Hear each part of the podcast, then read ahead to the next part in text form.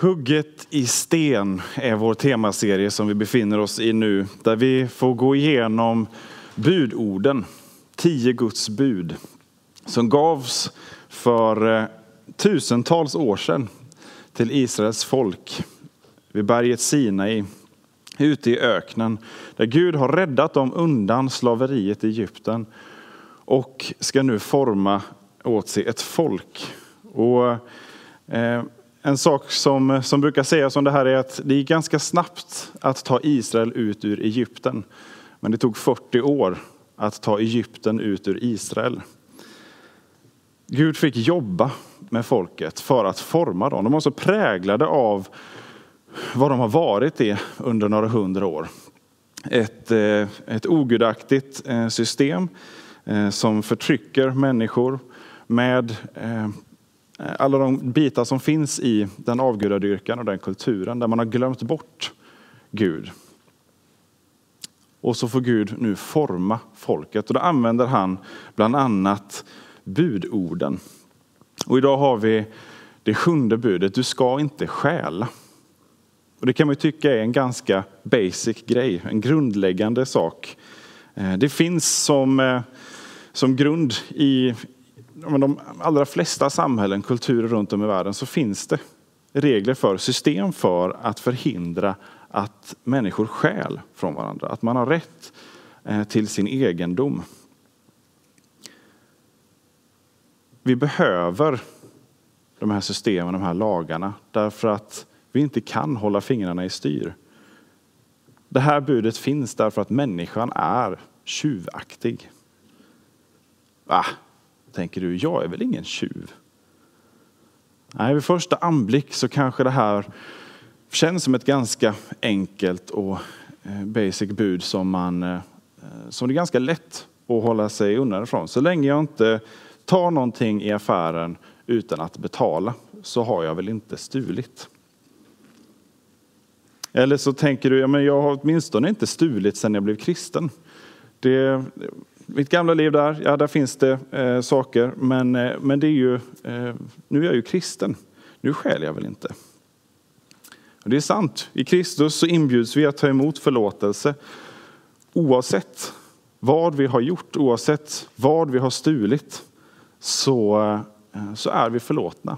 Skulden inför Gud är struken och även om vi tvingas ta konsekvenserna av eh, våra brott ur ett samhällsperspektiv och mänskligt perspektiv. Så i Kristus så finns fullständig förlåtelse och upprättelse. Där vi inte döms av Herren själv. Där han säger, inte heller jag dömer dig. Men när han reser oss upp så säger han också, gå och synda inte mer. Att ha blivit kristen innebär inte ett vaccin mot att synda. Det innebär inte att man Eh, för all framtid sen saknar förmågan att synda. Och när det gäller det här budet så är det inte heller så att vi saknar förmågan att stjäla därför att eh, jag eller du har blivit kristen. När Jesus undervisar om budorden i bergspredikan så gör han inte det på ett sätt där han slätar över det eller eh, viftar undan dem. Utan han tar dem ett varv djupare. Han låter dem verkligen få gå in i hjärtat och även om det till det yttre kan se ut som att ja, men det går ganska bra. Jag klarar väl ändå att följa de här buden. Så låter Jesus oss pröva ja, men vad rör sig i hjärtat. Om vi inte bara nöjer oss med den allra enklaste Eh, ytliga förståelsen eller tolkningen av vad ett bud innebär. Utan förlängningen, vad det får för konsekvenser. Vad ser vi då? Att bli kristen är att bli inbjuden till ett liv där vi får växa i likhet till honom, att bli lika Kristus. Och då behöver vi ständig omvändelse. Vi behöver ständig prövning. Och då behöver vi få spegla våra liv i de här buden och inte allt för snabbt vifta undan om det är någonting vi tycker då vid första anblick att nej, men det, här, det här går väl rätt bra, det har inte jag några problem med. Vi behöver pröva oss själva och vi behöver också få, få vägledning i det. För då får vi möjligheten att få våra hjärtan öppnade för Jesus själv. Och våra hjärtan öppnade för insikten om att jag behöver omvända mig ännu en gång. Ännu en gång ser jag att jag har inte förlorat förmågan att synda, att göra det som är ont, att bryta mot Guds vilja. Det är inte nog med stöld i sin uppenbara form, att ta någonting som är någon, någon annans, pengar eller saker eller lite mer gråzoner, saker som eh, mygel på eh, skattedeklarationen, något extra avdrag som jag kanske egentligen inte har rätt till, en arvstvist eh, där jag eh, pressar på och ser till att eh, snå till mig det som, eh, som kanske någon annan också hade rätt till. Eller en skuld som jag ständigt glömmer att betala och, eh, och hoppas på att den ska glömmas bort. Det är inte bara de här sakerna utan stöld är någonting som, som går ännu djupare och som kan få vara ännu bredare än det här. Det är även att låta bli att göra det goda. Låta bli att hjälpa, låta bli att vara generös mot min nästa. Hela tiden så får buden eh, speglar vår relation, både till Gud men också till de människor som vi har runt omkring oss. Så vad, hur ser min relation ut till min nästa, till de människor som jag har omkring mig, de som jag har nära, de som jag har långt bort? Hur är min attityd gentemot dem? Martin Luther, reformatorn, han säger det att, att budet att inte stjäla, det handlar om att i förlängningen, att inte förvägra sin nästa någonting som jag kan och som hon behöver.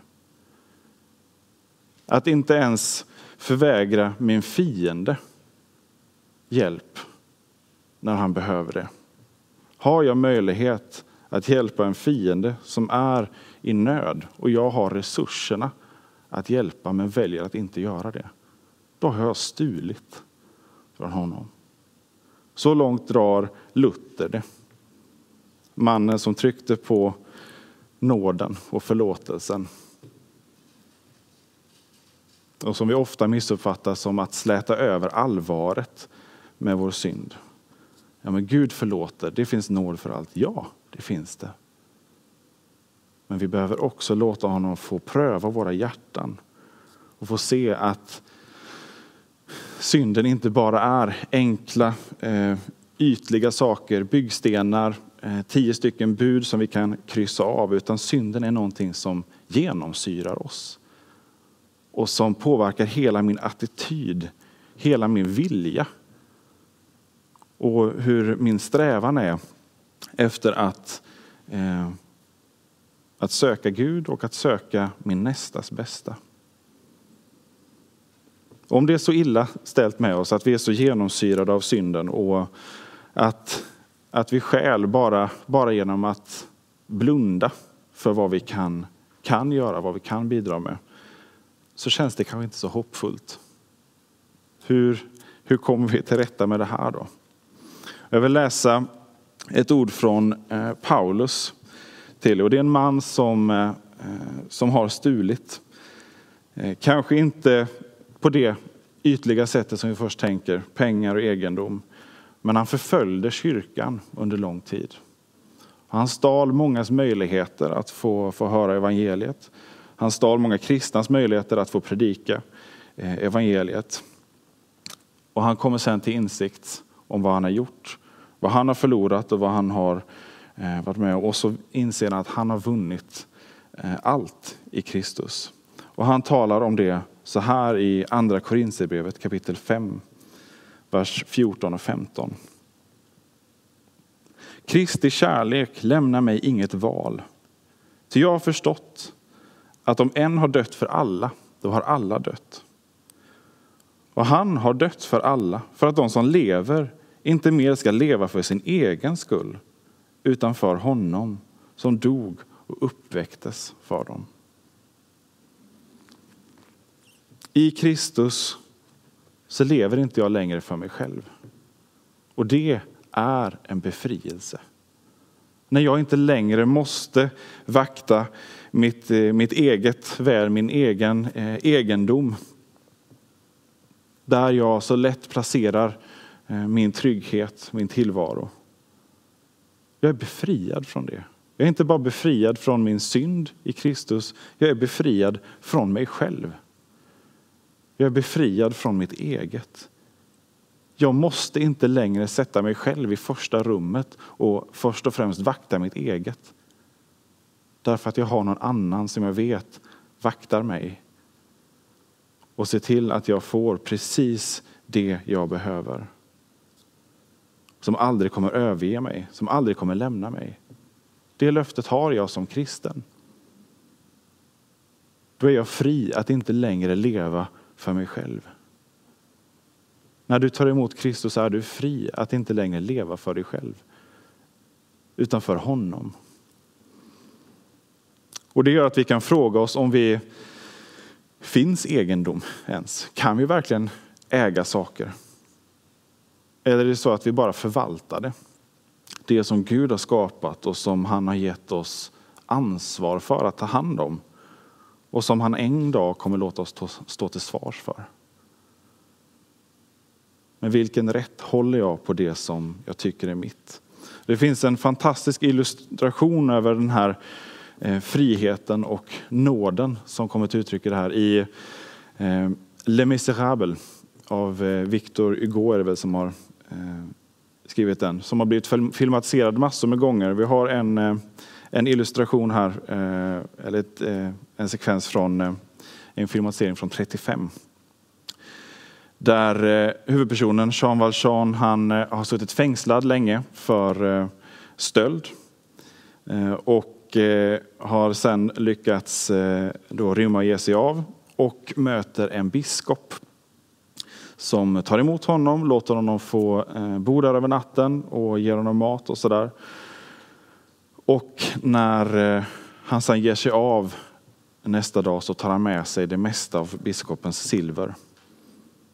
Och så begår han ett brott som faktiskt är grövre än det brott han en gång blev dömd för. Eh, han har blivit präglad genom sitt liv, präglad som tjuven. Eh, och nu så är han inne i det här, fast i det här. Och så blir han tagen på väg från biskopen. Polisen för honom tillbaka. Och eh, biskopen eh, och frågade biskopen, är det här ditt silver? Vi fick tag i honom när han var på väg här från dig. Varpå biskopen säger till Jean Valjean, men du, eh, du glömde ju ljusstakarna. Och så ger han honom också silverljusstakarna. Eh, och så eh, kan då polisen gå därifrån, eh, fullt försäkrad om att allt är i sin ordning. Och Jean Valjean är ju förundrad över biskopens generositet, eh, fylld av skam. Eh, och så säger biskopen, ta nu det här och använd det för att göra gott. Kanske kan vi höra ett eko av, gå nu och synda inte mer. Välj ett annat liv än det som har präglat dig hittills. I Kristus så har vi den möjligheten. Vi själva kan inte bara bryta med vår synd. Det går inte. Den är genomsyrande. Men i Kristus så finns den möjligheten att helt byta bana och att bli befriad också från, från egendomen, befriad från att sakerna äger oss själva. Och möjligheten att få göra som biskopen, att dela med sig, att vara generös också till den som absolut inte skulle ha rätt till det. Det fanns ingen rättslig anledning för biskopen att, att också överlämna ljusstakarna och sa, ja, ta det här nu och gör det bästa av det. Men därför att han själv hade fått erfara nåden, tror jag, eh, kommer till uttryck här. Därför att han själv fått erfara, jag har också stulit. Jag har också behov av förlåtelse och fått en ny chans. Och så ger han det vidare. Som kristen så vet jag att i mig själv så har jag ingenting. Men i Jesus så har jag allt. Han som är allt. Och om han har gett allt och vi ska vara lika honom, ja då ska vi också ge allt. Därför är vi också skyldiga vår nästa. Vi är skyldiga att hjälpa, att inte undanhålla när vi kan hjälpa. Och kristider, en sån som vi är i just nu, kan absolut främja generositet och samarbete i viss utsträckning, men det lurar också oss och mig till att vakta mitt eget. När rädslan kryper på. Vi såg ganska tydliga tecken på det av hamstringen. När, när krisen slår till, Eh, ja då åker man och köper tusen liter handsprit för att vara säker på att ha så man klarar sig och sen kanske också sälja till ett eh, ordentligt eh, prispåslag också och göra sin hacka. Det är vad som händer när vi styrs av rädsla, när vi styrs av att sätta vårt eget först. Och då skäl vi från varandra. Men om vi istället låter Jesus Kristus få tag i vårt hjärta så kan han befria oss från det här. Befria oss från rädslan, befria oss från självupptagenheten, befria oss från att ha det jag äger som min yttersta trygghet. Och det befriar oss till att inte glömma, att inte se bort från den som behöver vår hjälp. Om det är så på grund av den här krisen eller eh, andra behov som har funnits och kommer fortsätta att finnas. Där har vi en möjlighet att göra som biskopen, något helt annat än vad som förväntas i den här världen. Därtill har Jesus befriat oss så att vi kan vara fria från oro, fri från bundenhet till det vi äger. Och Jesus har kallat oss till det. Att inte leva för oss själva utan för honom. Och för alla dem som han har utgivit sig själv för. Vi ber. Tack Fader i himlen för att du inte har undanhållit oss eh, ditt eget, ditt bästa, din egen son Jesus Kristus. Du var i din fulla rätt att eh, lämna oss åt vårt öde, men du valde att, eh, att ge oss din egen son. Hans blod som renar från all synd, hans liv i utbyte mot vår synd. Jag tackar dig för att i dig Jesus Kristus så finns befrielse från allt. Och jag ber nu att du eh, rör vid oss med din heliga ande så att vi kan få bli befriade från just det här eh, rädslan för, eh, för vad som händer om vi inte vaktar vårt eget. Befria oss från det och öppna våra ögon så att vi kan omvända oss från stöld också i det vidaste begreppet. Att vi istället kan få bli lika dig Jesus Kristus. Och i kraft av din heliga ande få visa ett annat liv, få ge människor nya möjligheter. Början på ett nytt liv i dig Jesus Kristus. Led oss genom din heliga ande. I Jesu namn. Amen.